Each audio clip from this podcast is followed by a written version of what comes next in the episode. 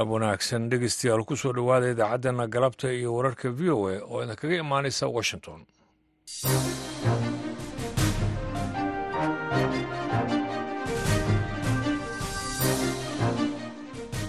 Dhegeystayaal waa galab khamiis ah bisha februari ee sanadka labada kun afar iyo labaatankana waa laba iyo labaatan waxaad naga dhegeysanaysaan haatan mawjadaha gaagaaban ee lix iyo sagaal iyo tobanka mitrband iyo boggeena v o a somaali com. Idaacadda galabta iyo wararka v o a waxaa idiin soo jeedinaya anigoo ah ibraahim xasan garabey daanduray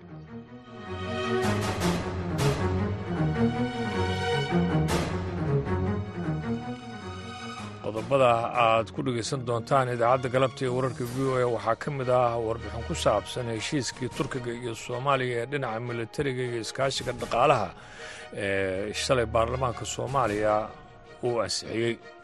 Heshiiskan waa heshiis soconaya muddo toban sano ah habraaca loo marana waxaa weeyaan waxaa soo jeediyey oo runtii soo curiyey golaha wasiirada baarlamaankana uu ansixiyey iyo golihii shacabka. Sharcigan waxaa weeye sharci oo ilaalinayo dhammaan xuduudaha hawada badda iyo berigaba intaba ka ilaalinaya dhammaan sharci darada lagu samaynayo badaha qashinka lagu shubayo sharci darada kulumaysiga waxaa kale oo aad dhegeysan doontaan barnaamijka bandhiga v o a oo toddobaadkan ku saabsan dalka switzerland iyo soguluutida ay soomaalidu ku jirto soomaalida sidaa uguma badno. Waayo sharciyadiisa ayaa sharcisiinta dadka qaxootiga aad bay u kooban tahay maadaama wadanku uu yaryahay soomaalidu way soo galaan oo si tahriib ah ama ay xuduudada iskaga gooshaan bay ku soo galaan. Kuma hakadaan badanaa waayo sharciyadiisa sidaan hore kuugu sheegay sharciyadiisa ayaa adag xubinta dooda gaaba barnaamijka dhakhtarka weydiiya qodobo kalena waad dhegaysan doontaan hase yeeshee intaasoo dhan waxaa ka soo horrayn doonaa warkii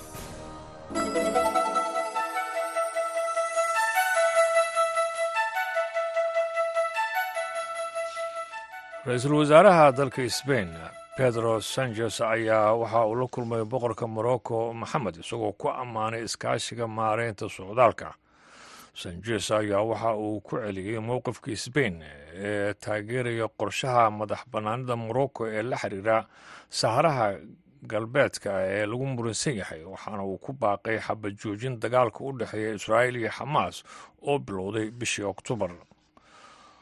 Waa inaan damaanad qaadnaa helitaanka gargaar bini'aadminimo shaqada hay'adda qaramada midoobay u qaabilsan gargaarka qaxootiga falastiin ee u n r w a ee bariga dhexe waa aasaaska. Sbainna waxa ay daaficaysaa taasi ayuu sanjees ka sheegay magaalada rabaad isagoo xusay hay'adda gargaarka ee qaramada midoobay ee qaxootiga falastiin israa'iil ayaa waxay xoojisay duqeynaha ay ka geysanayso rafax ee koonfurta khaza in ka badan laba iyo toban qof oo hal qoysa ayaa lagu soo warramayaa in lagu dilay duqeyn cirka. Ah sida ay sheegeen dadka deegaanka iyadoo wasaaradda caafimaadka ee falastiinna ay shaacisay in ay ku dhinteen dagaalka ilaa iyo hadda sagaal iyo labaatan kun saddex boqol iyo saddex iyo toban qof ciidamada israa'iil ayaa waxay sheegeen in ay kordhiyeen howlgallada ay ka wadaan khan yunis oo ah magaalo dhanka waqooyi kaga beegan magaalada rafax mana aysan sheegin weerarada lagu qaaday rafax lafteeda. Warbixintoodii maalinlaha ahayd ee dhacdooyinka khaza isla markiibana kama aysan jawaabin codsi ahaa inay ka hadlaan in ka badan hal milyan oo qof ayaa lagu qiyaasay in ay iyagu buux dhaafiyaan magaalada rafax oo ku taala cirifka koonfureed ee xuduudda u dhow masar kuwaas oo intooda badan ka qaxay guryahooda waqooyiga si ay markaas uga baxsadaan ugana nabadgalaan weerarada military ee israa'iil hay'adda ganacsiga badaha ee britain ayaa waxaa khamiista maanta ay sheegtay in ay heshay warbixin ku saabsan dab ka kacay marka meel toddobaatan mayl koonfur bari kaga beegan magaalada cadan ee dalkaasi yemen joogay kadib markii lagu weeraray laba gantaal. Hay'adda badaha britain ayaa bayaan ay soo saartay. Waxay ku sheegtay in ciidamada isbahaysiga ay ka jawaabayaan dhacdada waxaana sidoo kaleeto ay kula talisay maraakiibta in ay iyagu feejignaadaan oo ay soo sheegaan dhaqdhaqaaq kasta oo ay ka shakiyaan. Militariga dalkaasi ukrain ayaa khamiista maanta sheegay in ciidamada ruushka ay xalay saqdii dhexeeto ay ku weerareen toban duyuuradaha nuuca aan duuliyaha lahayn ah iyo gantaalo. Ciidamada cirka ee ukrain ayaa waxa ay sheegeen in difaaca cirka ee dalkaasi ay burburiyeen sideed ka mid ahaa diyaaradahaasi aan duuliyaha lahayn ee droniska ayna kaga hortageen gobollada boltava dibnobro petroviski iyo zaborozia iyo weliba kharkif duulaanka ruushka ee ukrain ayaa bilowday bishii februari afar iyo labaatankeedii ee sannadkii labada kun iyo laba iyo labaatankii. Hogaamiyaasha kooxda toddobada wadan ee iyagu ka hormaray dhanka warshadaha ayaa waxaa lagu wadaa in ay kulan arag fogaanshaha ah ay yeeshaan sabtida si markaas ay uga wada hadlaan taageeradooda dalka ukrain xogeyaha warfaafinta ee aqalka cad karin jan pierre ayaa arbacadii waxa ay u sheegtay suxufiyiinta in madaxweynaha dalkaasi ukrain volodimir zelenski uu sidoo kaleeto uu ka qayb qaadan doono wadahadalladaasi kooxduna ay wax ka qaban doonto tallaabooyinna ay markaasi wada qaadi doonto si markaasi loola xisaabtamo bay tiri ruushka. Mareykanka ayaa sidoo kaleeto isu diyaarinaya inuu daaha ka qaado maalinta jimcaha wareeg cusub oo cunqabateyn ah oo ka dhana ruushka duulaanka uu ku qaaday dalka ukrain iyo weliba ku dhimashadii uu ku dhintay xabsiga alex neveney oo isagu ka tirsanaa mucaaradka ruushka. Warkiina dhegeystayaal waa naga intaas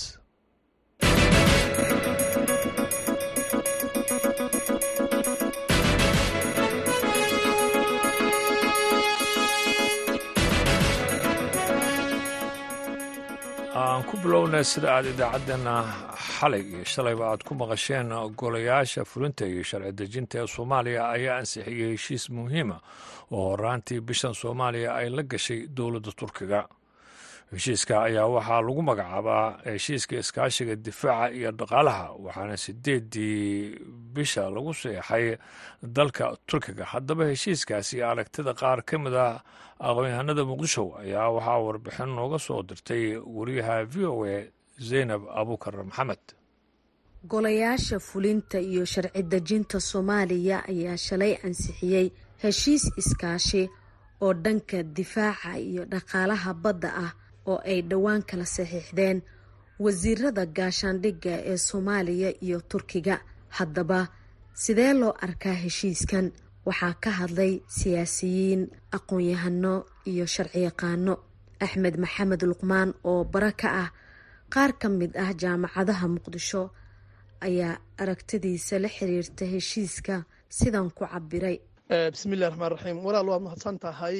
Bahda v o edan waan salaamayaa anigu aragtidayda heshiisku wuxuu ila muuqdaa heshiis ahamiyadiisa leh maadaama soomaaliya ay cadaawad aad u fara badan leedahay. Marka heshiiskaas waa heshiis soomaaliya ahamiyad u leh bes waxay u baahan tahay heshiiska in mar un wax ku qoran si fiican loo arko. Haddii madaxweynihii uu soo saxiixay isagana dee u yahay mas'uulkii ugu sarreeyey waxay ahayd inuu golaha baarlamaanka heshiiskaas u qeybiyo si loola arko. Intaasun baan dhihi lahaa laakiin heshiiska guud ahaan ahmiyaddiisuu leeyahay maadaama soomaaliya ay cadow daris soo jireen ah ay leedahay. Waxaa kaloo meesha iga isagana wax yar aan is leeyahay haddii ay jirto dowlado kale oo heshiisya lala galayna in saysan iskugu dhicin oo dowladahaas kale soomaaliya aysan u xagal daacinin in si fiican looga baaraan dego unbaan is leeyahay laakiin aragtidayda guud heshiiskaas waa heshiis soomaaliya ahmiyad gooni u leh aadna u anfacayo soomaaliya.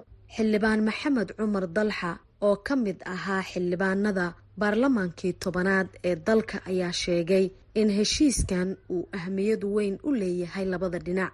Heshiiskan waa mid ka turjumaya xiriirkii hore ee qotada dheeraa ee soo tixnaa misena haddana sii xoogaystay oo laba kacleeyey adduunyada inta badan waxay ahayd xilli intay ka wada jeesteen dowladda keliya ee ay u soo jeesatay.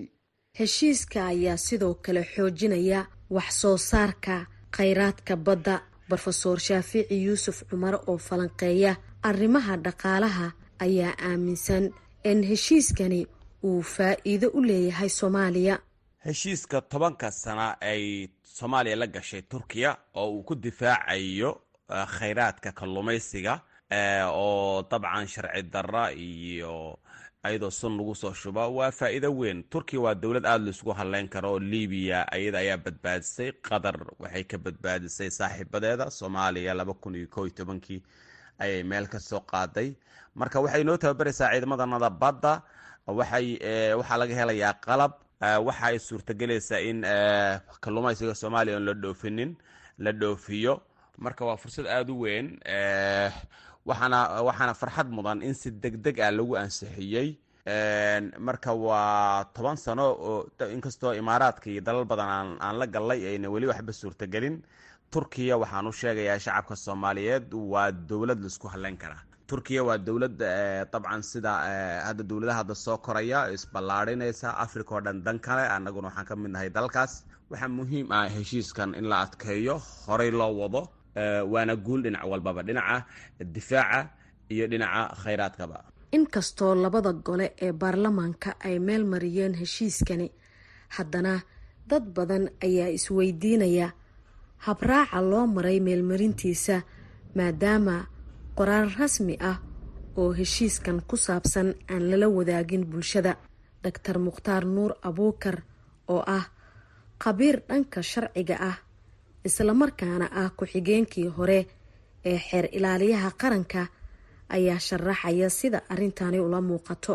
Heshiiskan waa heshiis soconaya muddo toban sano ah habraaca loo marana waxa weeyaan waxaa soo jeediyey oo runtii soo curiyey golaha wasiirada baarlamaankana wuu ansixiyey golihii shacabka oo ayagoo wakiil ka ah shacabka soomaaliyeed oo matalaya ee golihii shacabka sidoo kalena waxaa lagu soo saarayaa bolotino ama faafinta rasmiga ah oo mar dhow ay ku soo baxayso habraaca sharciga horsidiis wuxuu ku curtaa marna golaha wasiirada soo curiya marna baarlamaanka ayaa ka dhex laga dhex curiyaa heshiiskan heshiis uu ka yimid weeyaan golaha fulinta ama golaha wasiirada waxaana la geeyey golihii shacabka oo ayagana ay isku raaceen heshiiskan inuu yahay heshiis oo runtii toban sano ah oo dowladda walaalaha nahay turkiga la siiyey.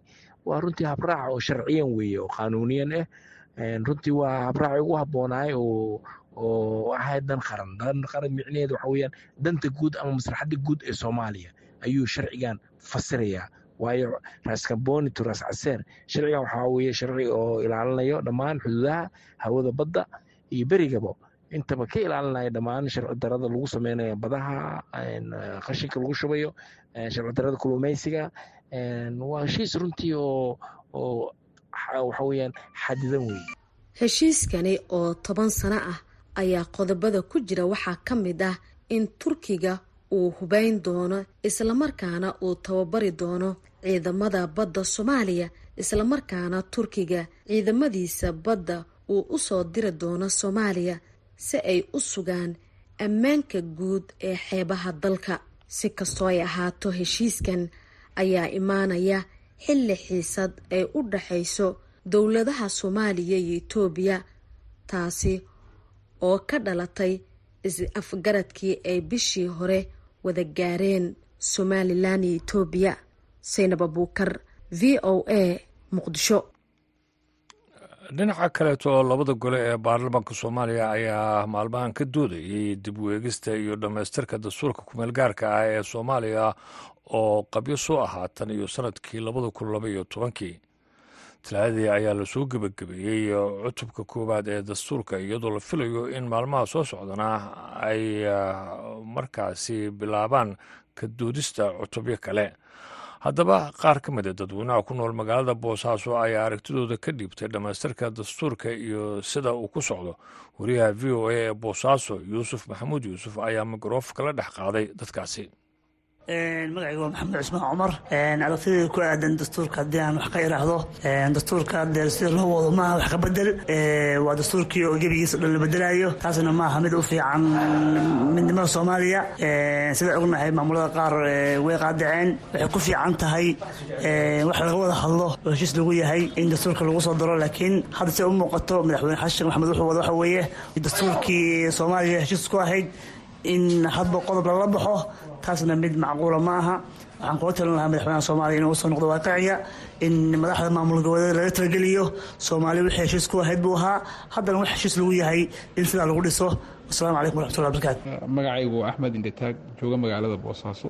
Haddii aan cabiro aragtideeda ku aadan wax kabedelka dastuurka soomaaliya ama dhammaystirka dastuurka soomaaliya anigu qof ahaan waa taageersanahay in dastuurka soomaaliya la dhammaystiro oo la qabyatiro ama wax laga bedelo qodobada markaa loo arko inaysan wadanka horumarkiisa saacideyn si looga baxo muranka siyaasiga ee soo noqnoqda mararka qaybtood iyo kan sharciga ah iyo iyo kan ku aadan khayraadka dalka sida loo qaybsanayo. Sidaa ay tahay haddana maadaama wadanka soomaaliya dhibaatooyin badan soo maray qaarna dhexda kaga jiro waxaa habboon in isku haynta iyo talada midaysan ee siyaasiyiinta loo maro marka dastuurka wax laga bedelayo ama la dhammaystirayo.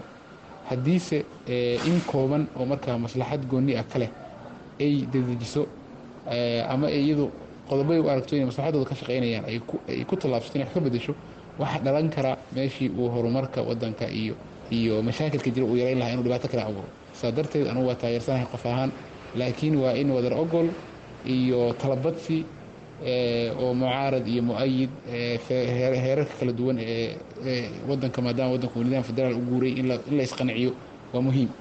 Laakiin waa arrin loo baahan yahay uusan wadanku hore waraqaaqi karin inta dastuurku qabyada yahay. Yuusufow dooda dastuurku runtii waa mid dhinacyo badan taabanaysa. Dastuurku wuxuu soo jiitamayay muddo dheer. Oo ay ahayd runtii in la dhammaystiro si bulshadan loogu dhaqo wixii ay ku heshiisay oo waxaa jirta iyadoo aan siyaasiyan looga heshin qodobo badan oo hanaanka dowladnimada dalka taabanaya in wax laga bedelay. Waxaa ugu horreeya in xafiiska ra'iisul wasaaraha runtii oo dowladnimada muhiim u ahaa ahaa qofka shaqada xukuumadda socodsiinayay in meesha laga saaro oo uu soo kordho madaxweyne ku-xigeen lala dooran doono madaxweynaha. Waxay ahayd in la tashi badan la geliyo. Sidoo kaleeto qodobka konton iyo koowaad farqadiisa c.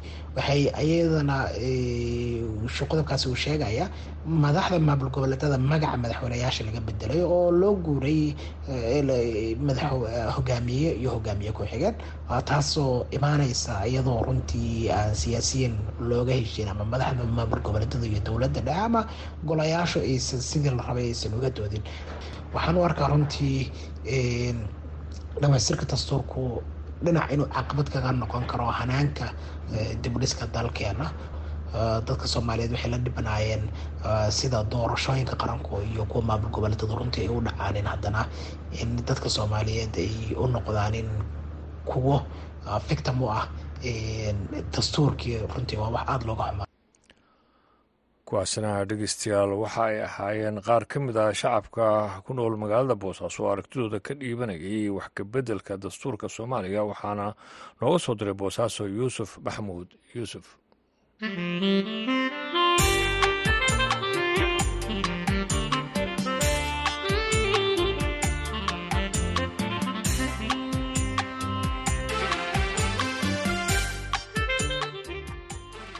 laamaha ammaanka ee gobolka waqooyi bari ee kenya ayaa qorsheynaya tallaabooyin kor loogu qaadayo ammaanka laguna la dagaalamayo kooxda al-shabaab. Kulan ay ku yeesheen magaalada wajeer ayaa sidoo kaleeto ay ku sheegeen in weeraradii al-shabaab ay ka geysan jirtay gobolka ay hoos u dhaceen. Wariyaha v o a maxamed faarax shira ayaa warbixintu nooga soo diray gaarisa kulankan oo u gadoominayay gudoomiyaha guud ee amniga gobolkani waqooyiga bari dalka kenya master jolo tieno ayaa dulucdiisu wuxuu ku sheegay inuu yahay mid u doonayay inuu u kurgalo xaaladaha amniga gobolkani waqooyiga bari dalka kenya gaarisana uu ka soo bilaabay haatanna socdaalkiisaasi uu yahay in uu kala naqaasho saraakiisha amniga countiga wajeer. Xaaladaha kala duwan ee amniga iyo weliba dhanka nolosha dadka geyigaasi ku dhaqan. Waxaan u nimid in aynu dib u eegno xaaladaha amniga gaar ahaan waxaynu isha ku haynay la socodka kooxda al-shabaab dhacdooyinkii kala duwan ee gobolka ka geysanayeen. sidoo kale ka ganacsiga waxyaalaha sharci darrida ah ayaan qeyb sidoo kale ka ahayd dheendheentanada sidoo kale waxaa qayb ka ahayd carqaladaha kala duwan ee loo geysanayo gabdhaha ee kufsiga sidoo kale waxaa jirtay in aynu ogaanay in xaalado adag oo dhanka kufsiga iyo muqaadaraadka gobolkan aada oga jiro taas oo dhanka amniga saameyn ku yeelatay gaar ahaan countigan wajeer master john otieno ayaa waxa uu sheegay la dagaalanka ururka al-shabaab inay tahay mid dowladdu ay ka go-on tahay. Haatanna ay dowladdu tallaabooyin horla ka qaadayso cid walba oo kalkaalisa ama caawinayso in ururka al-shabaab adeegyo ay leeyihiin gobolkani waqooyiga bari dalka kenya ay soo geliyaan taasoo uu carabaabay in badeecado fara badan gobolka ay soo geliyaan. Kooxo xiriir dhowlo leh kooxda al-shabaab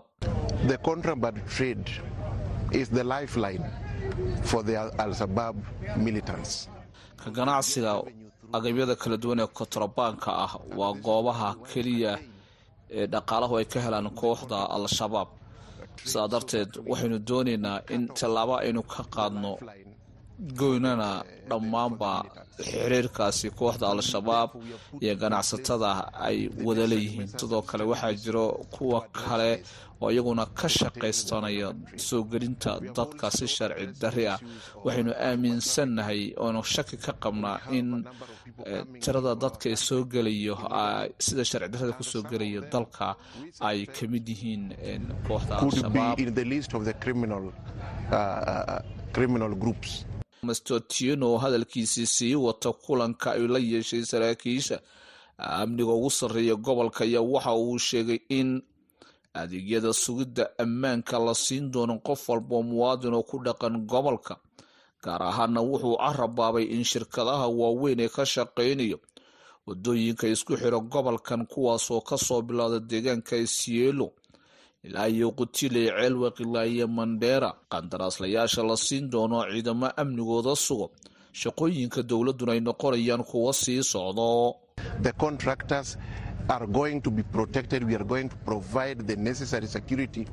Qandaraaslayaasheeda waxay noqonayaan kuwa la siiyo ammaan ku filan si mashruucyada kala duwan ee dowladdu aysan marnaba aysan u noqon kuwa amni dari ay saameyso dhammaan qandaraaslayaashu iyo ciidamada amniga howlahooda waa u fududeynaynaa ciidamada iyadana goob walbo ayaynu geenaynaa si aynu difaacno mashruucyada kala duwan ee dowladdu ay wado waxaa ka jira halkani mashruucyo waaweyn oo mashruuca ugu weyn yahay mashruuca weyn ee waddada ah ee siolo qutilo ilaa iyo tegayo magaalada mandera kulamada uu la qaadanaya sargaalka ugu sarreeya gobolkani waqooyiga bari ee dalka kenya dhanka amniga ahna wakiilka madaxweynaha dalkani kenya william ruuto ayaa waxa uu imaanayaa xilli guud ahaan gobolkani waqooyiga bari ee dalka kenya. Xaaladaha amniga ay ka soo reynayaan la dagaalanka kooxda al-shabaab iyo dareenka shacabkuna kor uu u soo kacayo wuxuuna tiano iyo saraakiisha kaleba hoosta ka xariiqeen in hoos u dhac uu ku yimid weeraradii kala duwanaa kooxdu ay ka geysanayeen qaybo ka tirsan gobolkani waqooyiga bari ee dalka kenya. Maxamed farax shire v o a garisa galab wanaagsan ayaan dhegeystayaal mar kale idin leeyahay. Haatan waxaad ku soo dhowaataan barnaamijka bandhiga v o a. Waxaa soo jeedinaysaa sahar cabdi axmed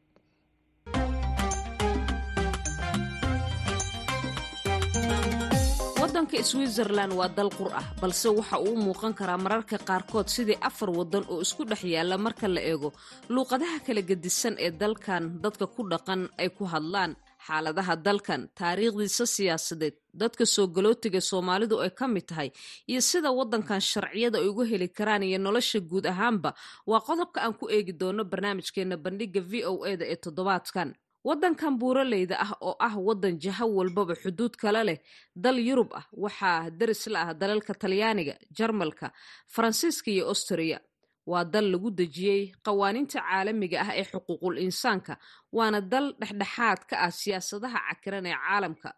Switzerland waxa ay ku birta qaramada midoobay wakhti haatan aan dhammayn rubca qarni dalkan oo ah waddan federaal ah waxaa looga hadlaa dhowr luuqadood oo kale ah jarmalka faransiiska talyaaniga iyo luuqadda gudaha ee dadka aadka u tirada yar ee dalkan ay ku hadlaan.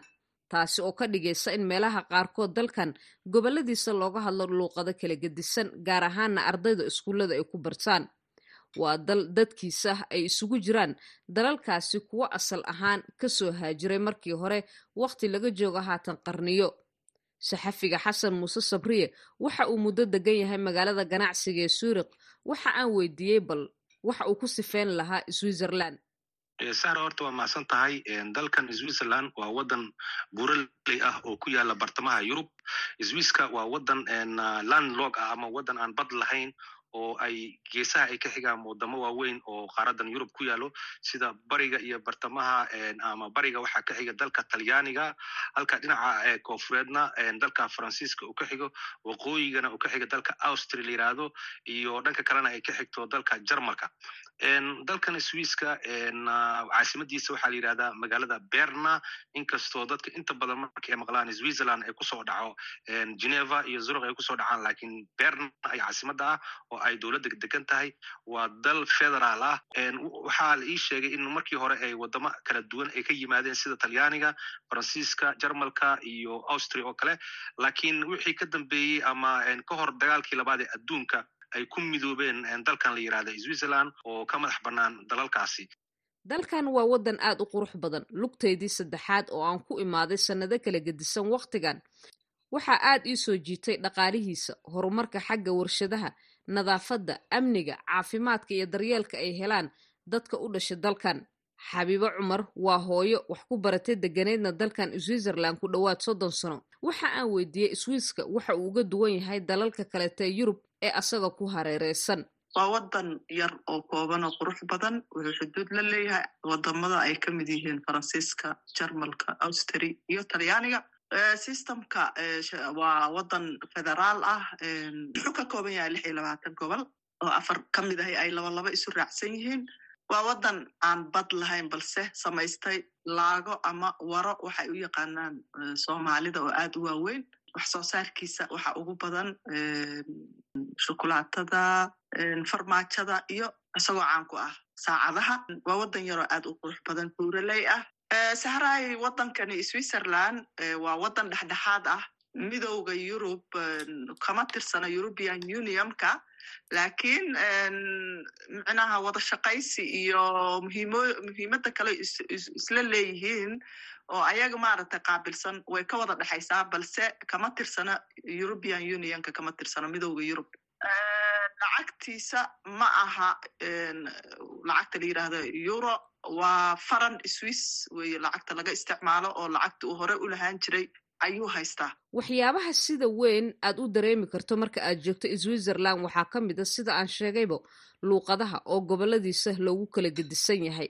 Waa kan mar kale xasan muuse sabriye waxaa looga hadlaa luqado kala duwan oo ay ka mid tahay luqadda jarmalka oo looga hadlo gobollada ugu badan ee dalkan sida caasimada magaalada zurich magaalo kale weyn la yiraahdo basel magaalo la yiraahdo iyadana luzerna iyadoo dhanka kalena luqadda faransiiska ay tahay luqadda labaad ee laga hadla iyadana waddanka talyaanigan waxaa looga hadlaa dhinaca bari. Iyadoo sidoo kale ay jirto luqad la yiraahdo romanish oo dalka romanian ah oo looga hadla inkastoo meelaha looga hadlay aad ay u yar tahay. Marka waa wadan federal ah.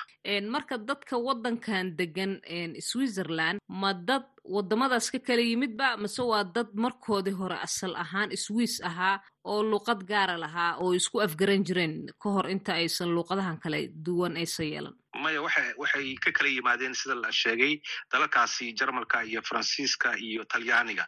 Ma ahayn dal jira oo markaasi luqad gooni a leh.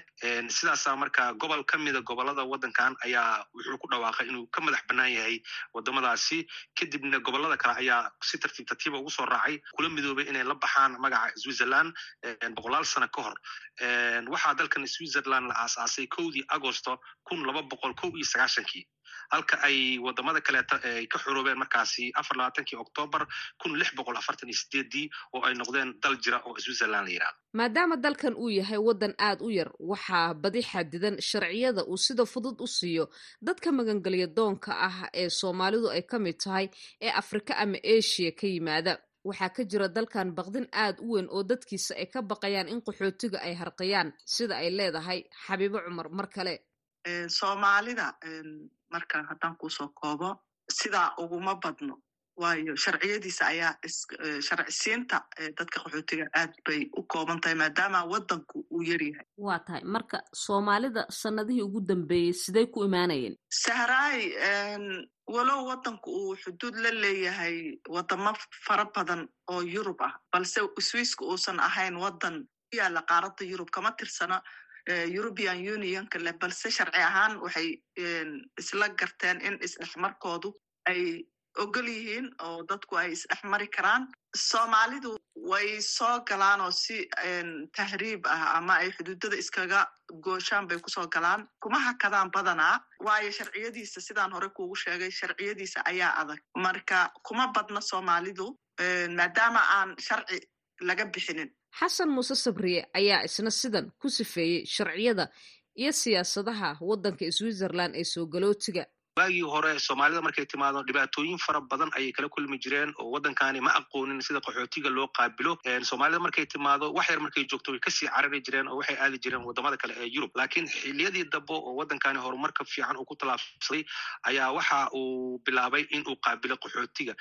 Waxaana markaasi soo galay soomaali fara badan iyo ajaaniib fara badan ayaa soo gashay. Sida aan ognahay waddamada yurub waxa u yaalla xeer ah oo la yiraahdo xeerka shangahay la yiraahdo ee faraha ah oo qofkii waddan yuruba yimaado la arko. Dalka swiiska kumuna jirin markii hore oo dadka inta badan markay yimaadaan ayagoo iskaga bixi jireen waddan kale ayay tegi jireen laakiin sanadii labada kun iyo sideeddii dabyaaqadeedii ayay ku biireen yurub oo ay farahaasi kala midoobeen xilligaasi ayaa waxaa soo galay soomaali aad u fara badan ayaa soo gashay. Soomaalida joogta dalkan switzerka waxaa lagu qiyaasaa soomaalida ugu yar markii loo fiiriyo waddamada kale yurub maadaama uu yahay waddan dhinaca sharciyadiisa iyo qaxootiga aad ugu adag.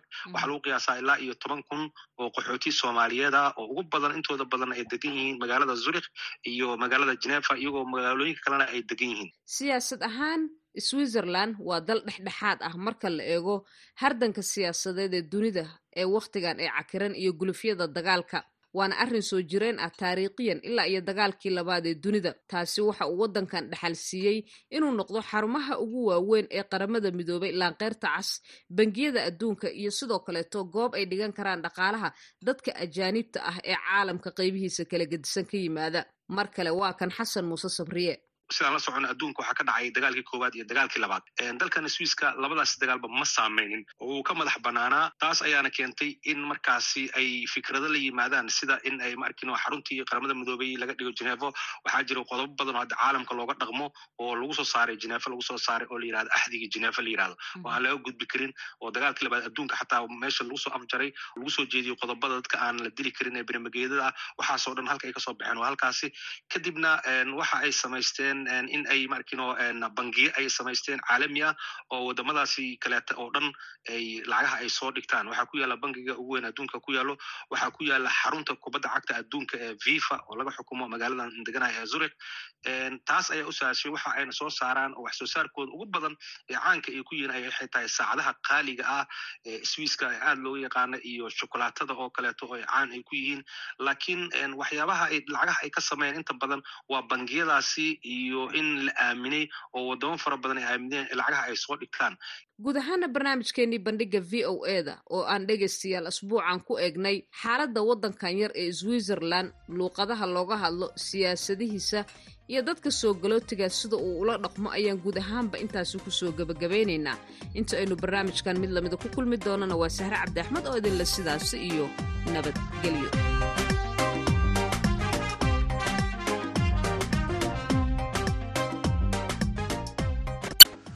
inaan soo jeesay barnaamijkaasi bandhiga v o halka sotan dhegeystayaal washington. Khasaare ka dhacay dab kacay suuqa degmada jawiil ee gobolka hiiraan ayaa waxaa kulantu ay dadaya badnaa oo suuqa jawiil ganacsiyo yaryar iyuu ku haystay wariyaha v o a xuseen xasan dhaqane ayaa warbixintan noo soo diray in ka badan boqol iyo konton kun oo dollar ayaa lagu qiyaasay khasaarihii ka dhashay dab dhowaan burburiya goobo ganacsi oo ku yaalla degmada jawiil ee gobolka hiiraan goobaha ganacsi ee dabku uu baabi'iyey ayaa waxay isugu jiraan kaalmo shidaal baqaaro maqaayado iyo guryo intooda badan ay lahaayeen dad danyar ah. Gudoomiyaha guddiga gurmadka dabkii ka kacay degmada jawiil ee gobolka hiiraan sahal cabdulaahi ayaa waxa uu ka waramayaa tirakoobka ay sameeyeen iyo saameynta ka dhalatay dabkii ka kacay suuqa degmada jawiil. Meeshan waxaa ka dhacay khasaare aada u xoog badan degmada jawiil bartamaha soomaaliya waxaa ku gubtay hanti aada u fara badan ganacsi aada u kala duwan ayaa meeshan khasaare badan ku gaaray. Xilli habeen ah oo xaaladdu aada ay u adag tahay in lala tacaalo damiinta dabkaas. Xaqiiqdii marka lan ka hadalno arrimaha dabka iyo khasaaraha u geystay ilaa dhowr boqol oo mitir ayuu suuqu gubtay. Baqaaro waaweyn oo ganacsiyaa gubtay. Kaalimo shidaalaa gubtay waxaa gubtay maqaayado ayaa gubtay.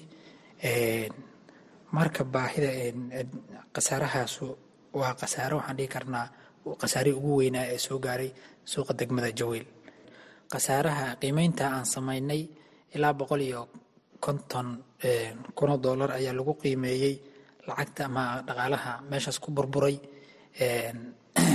Hantida meeshaas ku baaba'day oo kala duwan noocyada kala duwan leh. Kala ha u badnaado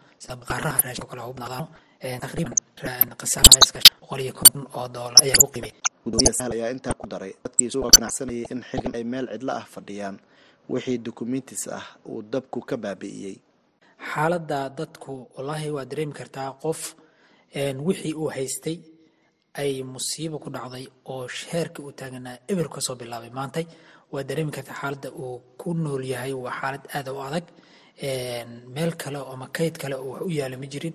Xitaa dadka waxyaabaha ugu yaab meesha ka dhacay waxa weye ka ah dadka ganacsatada ah.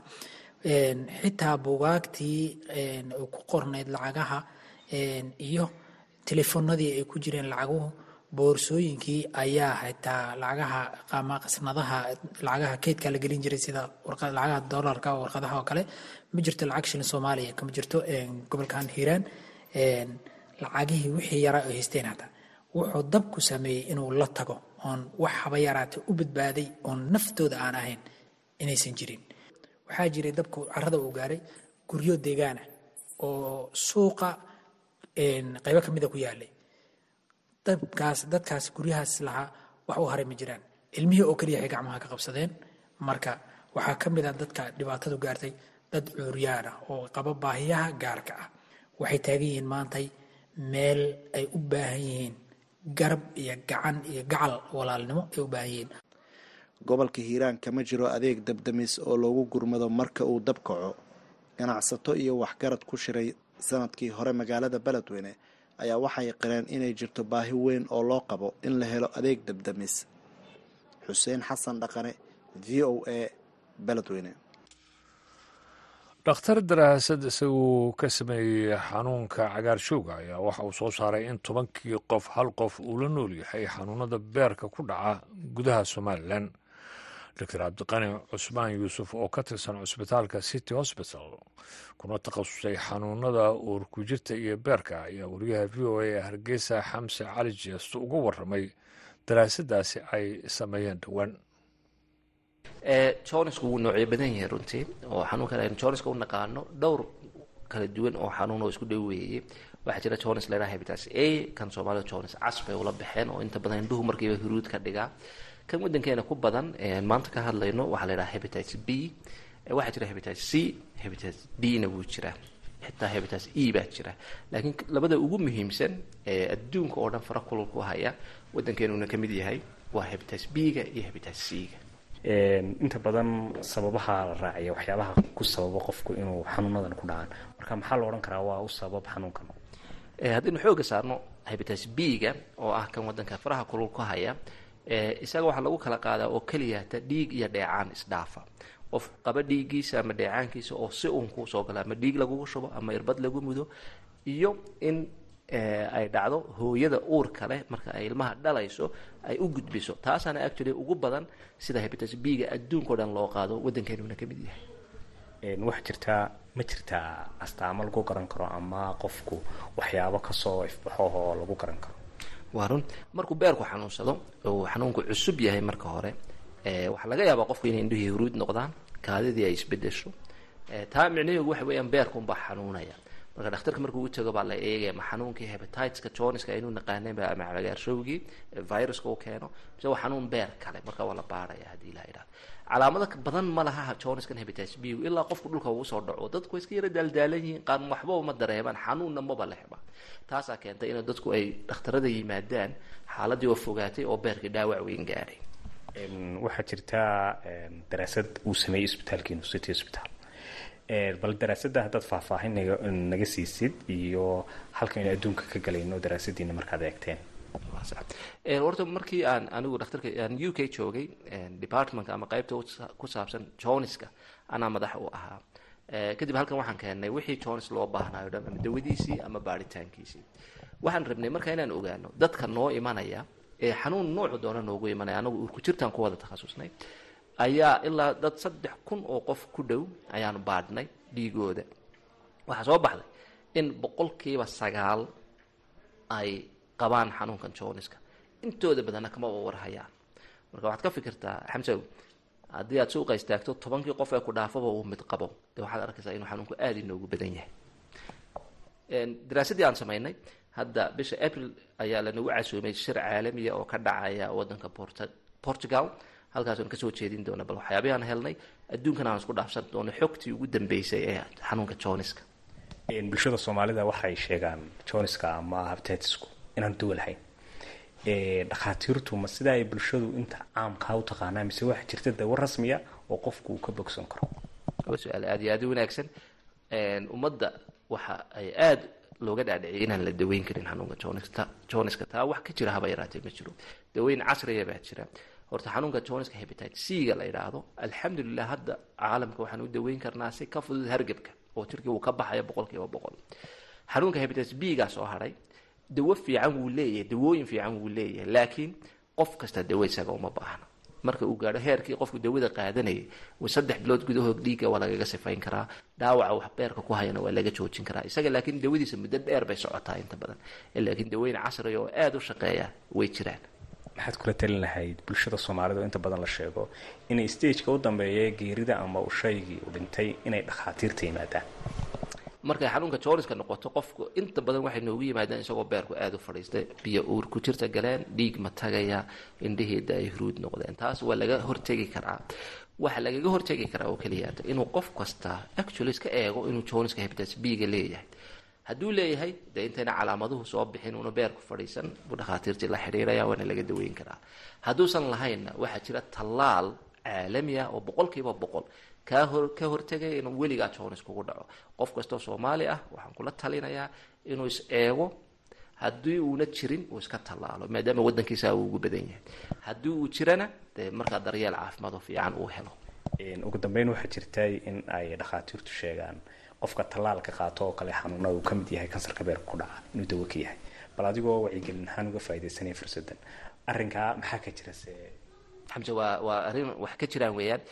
Kansarka beerka ku dhaca boqolkiiba siddeetan adduunka oo dhan waxaa ka mas'uula xanuunkan aynu maanta ka hadlayno joniska hepatitis b-ga la yidhaahdo. Haddii markaa loo helo horay baaritaanadii la socoshada joniska waxaa ka mid a inaan ka hortegno kansar oo haddii calaamado kansaroo soo bilaabmaya la arko horey wax looga qabto. Waa mar qofkii qaba.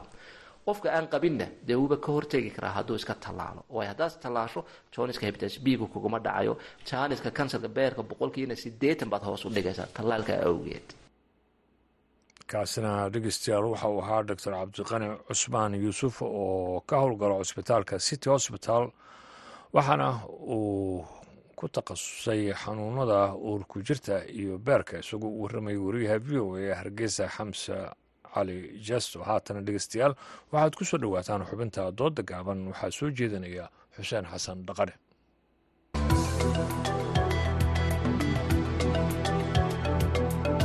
tan iyo burburkii dowladdii dhexe sannadkii sagaashankii ganacsatadu waxay dalka soo gelinayeen badeecado kala duwan oo cuntadu ay ka mid tahay dalku waxa uu leeyahay dhul waxbeerashada ku wanaagsan.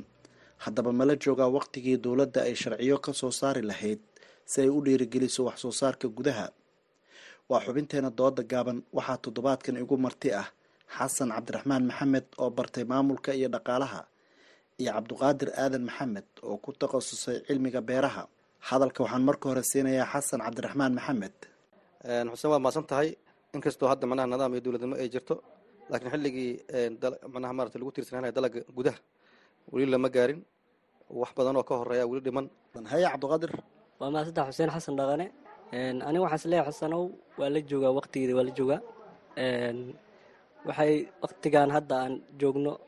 Waxaan is leeyahay waqtigii ugu fiicnaay oo dadka iyo wax soo saar isku tashalay waa joognaa saas is leeyahay xasan sidaa maqlaysa cabdiqaadir wuxuu leeyahay waa la joogaa waqtigii dadka isku tasha lahaayeen oo wax soo saarka dalka ay dadku ku tiirsanaa lahayn haye? Horta mar walba way wanaagsan tahay in la isku tashto oo dalkaaga wax ka soo oo aanan dal kale iyo dal shishay aan ku tiirsanaanin. Laakiin maanta lama lama joogo. Tusaale maantay raashiinka iyo cuntooyinka ma daruuriga ah oo la cunaa. Inta badan dalka dibdiisa ay nooga yimaadaan. Haddaan tusaale ku soo qaata hadda bariiska o kaleeto. Bariiska hadda waxaa laga beeraa magaalada johar.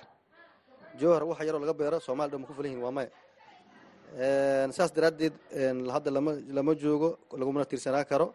Waxaa waaye markii macnaha maaragtay maantay aynan jirin tababar loo sameeyo beeraleyda iyo maalgelin iyo manaha shirkada maalgelineed ama ay dowladda manaha maaragtay inay taageerin ay manaha maaragtay beeraleyda ay manaha maaragtay u sameynin manaha maaragtay wax la yidhaha maalgelin.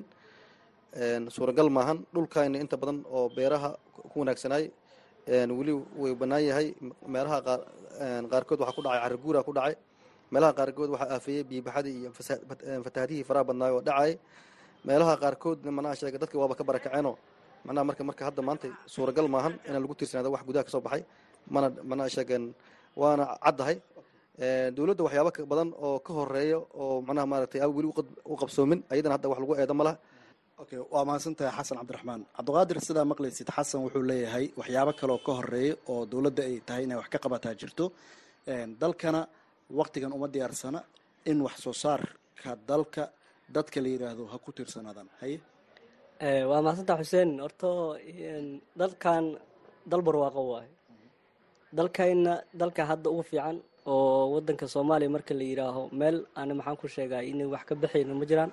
Dadka hadda soddonkii sano ama soddon iyo shantii sano ugu dambeysay dadka ayaga iskooda u tashanaya waana noolaayna dadka hadda beeraha magaaladan hadda aan joogno boqolkiiba sagaashan iyo sagaal qudaarta beeraleyda ayaga soo saarato ilaa gobollada loo aa la geeyaa. Dalkan waxaa ka soo baxa galeyda iyo masagada iyo sisinta iyo qudaartaas ka soo baxdo dadka ayagaas xilqaan ayagaa u samaystay. Dadkaas marka haddii dowlad garab istaagto ay heli lahaayeen oo maxaan ku sheega waxyaabihii u baahnaayeen laga caawi lahayn aniga waxaan leeyahay ka badan ka badanaan ku filanahay waana ka bixi karnaa manan u baahnin wadankeena hadda waxaa jira kaba soo qaad hadda wadanka biyaha ka jiro fatahaadaha ka jiro. Fatahaadahaasoo kaleeta wadanka xilliga biyalaanta ayaa loo kaydinaa waxaa loogu soo saaraa hadhow biyo yaraanta markay jirto ayaa dalagii lagu samay karaa. Aniga waxaa is leeyahay boqol kiiba boqol waxaa is leeyahay wadankaynu waa nagu filan yahay. Wax dibadda ka keensanayna uma baahni saasaan leeyahay. Xasan sidaa maqlaysa cabdiqaadir wuxuu leeyahay qorshaa loo baahan yahay laakiin dalka dadkan waa ku filan yahay wax soo saarkiisana wuu anfici karaa ayadoo aanan dibadda waxba laga keenin xuseen sax waaye oo soomaaliya waa dhul barwaaqo ah beero leh. Dadkeeda macnaha maarata isheeg ay boqol kiiba boqol ay beer adiga boqol kiiba todobaatan ay beeraley yihiin beeraley xoolo dhaqato yihiin. Laakiin macnaha maaragtay uma diyaarsano xilligan. Sababaha jira awgeed dadkii oon macnaha maaragtay aanan waayo aragnimo u lahayn beerashada dadkii oo amni iyo macnaha maaragtay iyo nidaam iyo dowladnimo ay macnaha maarata wax ku soo saartaan haasan dadkii oo ay aafeeyeen fatahaado isdaba jooga oo mar walba dhaca dadkii ay aafeeyeen dagaallo sokeeyo dadkii oo macnaha maarata kalsooni ku qaban inay macnaha maarata sheegeen inay wax beertaan ay soo saartaan oo dalag ay macnaha beertaanba inay laga gadanaa aanan kalsooni ku qabin maanta uma diyaarsano. Marka xilliga le waxaa la beertaa waa maya waa marka inay jadwal iyo nidaam iyo dowladnimo iyo macnaha maaragtay dhiirigelin la helaa beeraleyda la diyaariyaa tababar loo sameeyaa maalgelin ay helaan qorshe dowladeed macnaha maaragtay oo macnaha maaragtay baahsan oo wadanka dhan ku baahsan la helaa sidaas ayaa macnaha wax lagu saara kara lagu beeran karaa. Laakiin hadda ma la gaarin. Waa mahadsantahay xasan cabdiraxmaan. Haye cabdiqaadir waa maqlaysaa xasan siduu hadalka u dhigay. Adiga maxaad kaga jawaabi lahayd? Maya horta xuseen waa mahadsan tahay walaalkii horta xasan waa sida u sheegay wadanka wuxuu yidhi hadda waqtigeeda lama joogo. Annaga waqtigeeda waa la joogaa. Laba wax siyaabood aan loo jooga kuu sheegi karaa. Wadanka wadankan wadan kheyraada waaye. Soomaaliya waxay u baahan tahay dadka beeraha tacbo in la dhiirigeliyo oo wixii tasiilaad ayaga ay wax ku samaysan lahaayeen laga caawiyo biyo xireenno loo sameeyo cagafyadii ku shaqaysan lahaayeen iyo qalabkii ku shaqaysan lahay haddii la siin lahay. Ganacsatada hadda meeshay wadanka lacagta inay ka diraan ee wadamo kale wax nooga soo iibi lahayn haddii dhihi lahayn nin kastoo beer leh nin kastaa waa lala daba taagaya ama dowladdu ama hay'adaha u samayso ama jadwalkii ayada ay lehed ha samaysee haddii la heli lahay nin walba meequu soo rada anaga waxaan isleenahay boqolkiiba toddobaatan iyo shan ama siddeetan dadkayna beeraley wa anaga ka soo qaada hadda waxaan joognaa gobolka hiiraanaa joognaa. Beerale anaga boqolkiiba toddobaatan iyo shan waxaan ku tiirsannaha beerahaan ku tiirsannahay waxaan ugu tiirsannahayna waxa waaye wax soo saarkaas. Anaga sisintiyaa beeraynaa galeydiyaa la beeraa masagadiyaa la beeraa xilligaa rabtaad dhiga kartaa waa ku baxaysaa. Waxaa jira marka dadku waxay rabaan waa taagooley in la caawiyo ay matooradii biyaha ay ku waraabsan lahay helaan iyo cagafyadii wax ku qabsan lahaayeen iyo abuurkiioo laga saacido bise u baahan tahay. Halka tacab aniga waxaan xasuustaa wadanka hadda haddii la tacbi oo si fiican loo maalgelsho halka tacab soddon soddon loor oo masage ah waa dhalayaa. Laakiin dadkii maxay u baahan yihiin ina ayagaas iskaba bixi karaan shidaalkiina gada karin cagaftiina gada karin beertiina geedii ka baxsan karin marka matooradaas haddii dawladda ay ka caawiso anaga waxaan is leeyahay boqolkiiba sagaashan waxaan leeyahay wadanka waxa nooga imaanaa waa ka maaranaa bariiskana hadda jowhar ka baxaa jowhar bariiska ka baxa iyo masagadii galida la iska dhigo wadanka waxaa ka yimaada anaga waa ka kaaftoomi karnaa saas is leeyahay. Waa mahadsan tahay xasan horta manaha wax kastoo horta waxaa asal u ah amniga oo asal ah. Haddii amni la helo caafimaadka waa imaanaa waxbarashadii waa waa isha waa kordhaysa oo mana dadka inay waxbartaan ay manaha maaragtay maskaxiyana ay diyaarsadaan aa imaanayso wax walba asal amniga u ah. Dowladdu intaasay hadda ku mashquulsan tahay. Laakiin macnaha maantay soomaaliya haddii loo fiiriyo heerka beerashada ee wax soo saarka soomaaliya ma ahan mid lagu kalsoonaa karo oo maanta waddanka ku filan runtii. Soomaaliya sax waxay leedahay dhul beerad wanaagsan leedahay waxay leedahay macnaha maaragtay dhulka ugu barwaaqaysanay leedahay waxay leedahay dhul la beero karo oo wax laga saaro karo laakiin maantay ummaddii uma diyaarsano. Tiri dadkii waa sii kordheen oo soomaaliya maanta wax waa yaraaday. Runal runal raa moogta maanta waxyaabaha soo baxa hadda aniga noo soo baxa sidoo walaalkay cabdiqaadir sheekhaba waa geley iyo digir iyo macnaha maarata masagada iyo qudaarta caadiga. Maanta waddanka wax laga cunana maarata macnaha maanta wax la cuno waxyaabaha la cuno. Marka iyagaas oo la sii warshadeeyo oo macnaha wadanka marka wadanka wuxuu u baahan yahay inuu warshad helo inay dadka ganacsiga ku dhiiridaan maanta waa artay ganacsiga wax soo saarta maanta waxay dhibaat ninka hadduu maanta uu macnaha kaba soo qaada isxilqaamo oo maanta wax beerto oo shidaal galo oo wax walba galo oo waraab galo oo fal galo. Loorka masagada ah badweyne maanta wuxuu ka joogaa toban iyo sideed toban iyo shan. Ilahan ku dharshay ma isbixin waa maya waxaa la keenaa waxyaaba kaleeto waxyaabaha kaleeto dhibaatada ku sii haa ummadda soomaaliyed waxaa ka mid a macaawinooyina la keenaa. Xilliga waxaa lagu soo adaa beerashada lagu soo aadiyaa haddii marka waddanku isku tashto oo isku tashi bulsho iyo macnaha maarata iyo dowladeedba u dhaco waa laga maarmi karaa laakiin maanta weli lama gaari marxaladeeda hala gaaro cabdiqaadir goormaa la is dhihi karaa soomaaliya waxa waddankeeda ka soo baxa waa uu ku filnaan doonaa. Xuseen waa ku filan yahay waqtigeedina hadda waa joognaa. Horta walaalkay hal waa qariyey. Wuxuu yidhi masagada hadda maanta raqiis waaye. Waxa keenaana waxaa waaye hay'adihii oonan maxaan ku sheegay waqtigii loogu baahnay aan dadka siinaynin ilaa waxay ku soo aadinaya dalgii markuu soo baxay ku soo aadinaya marka dowladdu waxaa laga rabaa waxaasoo dhan in ayda jalwad jadwal u samayso hadda wasaaradda beeraha jirtaa layidhi ani hadda weli ma maqlin wasaarad beereed meelay dad ama ka maalgelisay ama ka wacyigelisay dadkan ayagaa wacyigelsan ilaa soddonkii sana ayagaa beer tacbanay qaabkay u buufsanay haddii ka jiran tahay xilligay tacbanayeen xilligay fiican tahay ayagaa garanayo. Aniga marka dadka waxay u baahan tahay dad oo ka caawiyo wax soo saarkii qalabka ma ogayey annaga waxaas leenahay dadka waddankayna waa nagu filan yahay waana nagu filan yahay. Waxaa dibadda naloo ka keenaana annaga dhibaataaba noogu wacanba sideeda dhanbo because hadda waxa waaye bariisaa la keenay wuxuu yahay mataqaanid. Buraa naloo keenay. An hadda waxaa ogahay ganacsata ganacsatada ganacsatada hadda waddankeena ana waxaa lee sheegay in laga soo qaado raashinka dhacay naloo keeno oo dheyd naloo ku soo sameeyo hadda cuduradii kansaradii waa nagu bateen jiradii waa nagu badatay dadkii calool xanuun canugii deebulaato maanta dhan hadduu joogo hal mala hergabir hadduu ku dhaco waa deebulaato masagadii oo loo oo canugii hadda dhasho sokor qabaa la helaya waxaasoo dhan waxaa noogu wacan raashinkaa dibadda naga keenaa anaga dowladdu waa joognaa waxaan leenahay dhanka beeraha wax soo saarka dowladdu waa ka jiiftahay. Dhanka wax soo saarka dadkana hala maalgeliyo hana la mashquuliyo. Sameeyo. Waa mahadsan tahay xasan haye ugu dambeyn maanta waddanka xaaladda aan marxaladda aan ku jirno haddaan fiirino. Haddii manaha qaabka iyo manaha maarata maanta hifaalaha ay haddaan fiirino ma dhowa xilli ay soomaaliya waxay soo saartay manaha isku filnaansho ay gaarto oo dalagga soomaaliya ka baxa la gaaro ma dhowa sababta waxaa weeyaan maanta macnaha maarata sheegeen beeraleyda soomaaliya maanta macnaha maarata waxyaaba ay soo saaraan. Macnaha maarata wax ayaga ku filan maahan. Waa wax yar oo qoyskii macnaha xataa ku filnayn bal ayagaaba macnaha maarata sheegeen waxa u baahan inay macnaha maarata sheegeen helaan macnaha kaalmo iyo macnaha maarata sheegeen in wixii ayaga soo saartaan ku filnaa waayeen. Marka waxaan leeyahay xilligaas ma la gaarin. Qof la kaalmaynaayo oo asigii la kaalmaynaayo oo tabcashadii laga kaalmaynaayo oo abuurkii laga kaalmaynaayo oo falkii laga kaalmaynaayo oo intaas u baahan.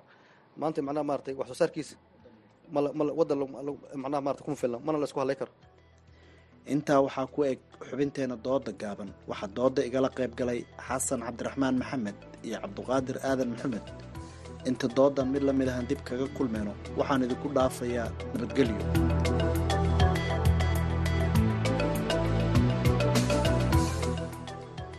Xuseen xasan dhaqane ayaana soo jeedinaya dooda gaaban. Halkaad weli nagala socotaan dhegeystayaal waa laanta af soomaaliga ee v o a washington haatana dhankii heesaha iyo muusiga ayaan jaleecaynaa waxaadna ku soo dhowaataan waa la codkii allah u naxariistay xalim khaliif mogool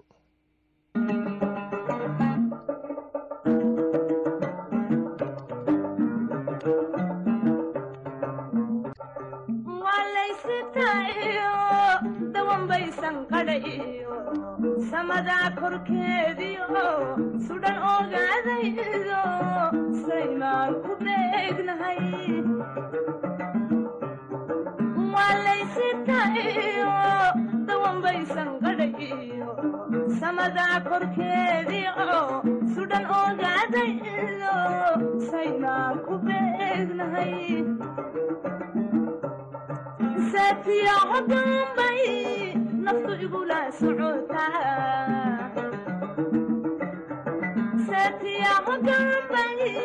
naftu socotaa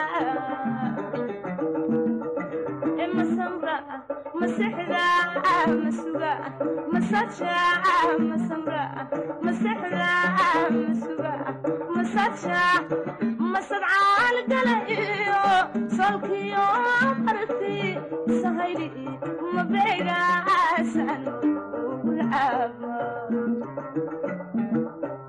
masamra masexda masuga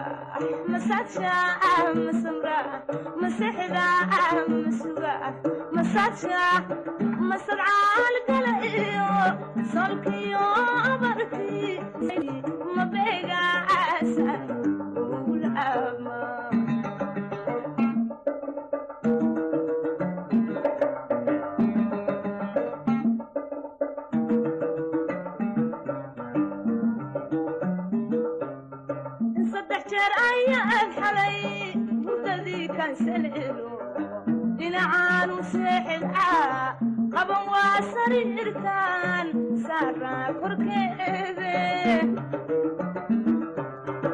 saddex jeer ayaan xalay mudadii kansaleelo dhinacaanu seexilcaa qaban waa sariirtaan saaraa korkeede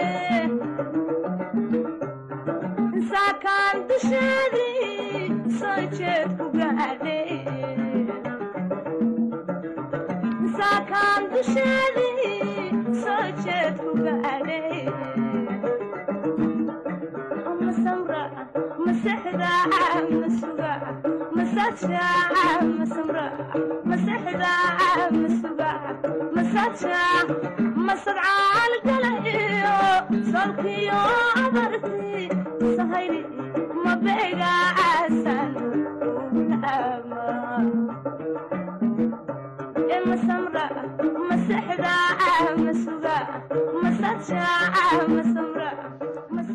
heestaasi waa laysataa codka allah u naxariista xalimo khaliif mugool waxaa ugu dambeysay idaacaddani galabtii wararka v o a. Waxaa idiin soo jeedinaya anigoo ibraahim xasan gareebe daanduray. Intaan mar kale kulmi doono sidaa iyo nabadgelyo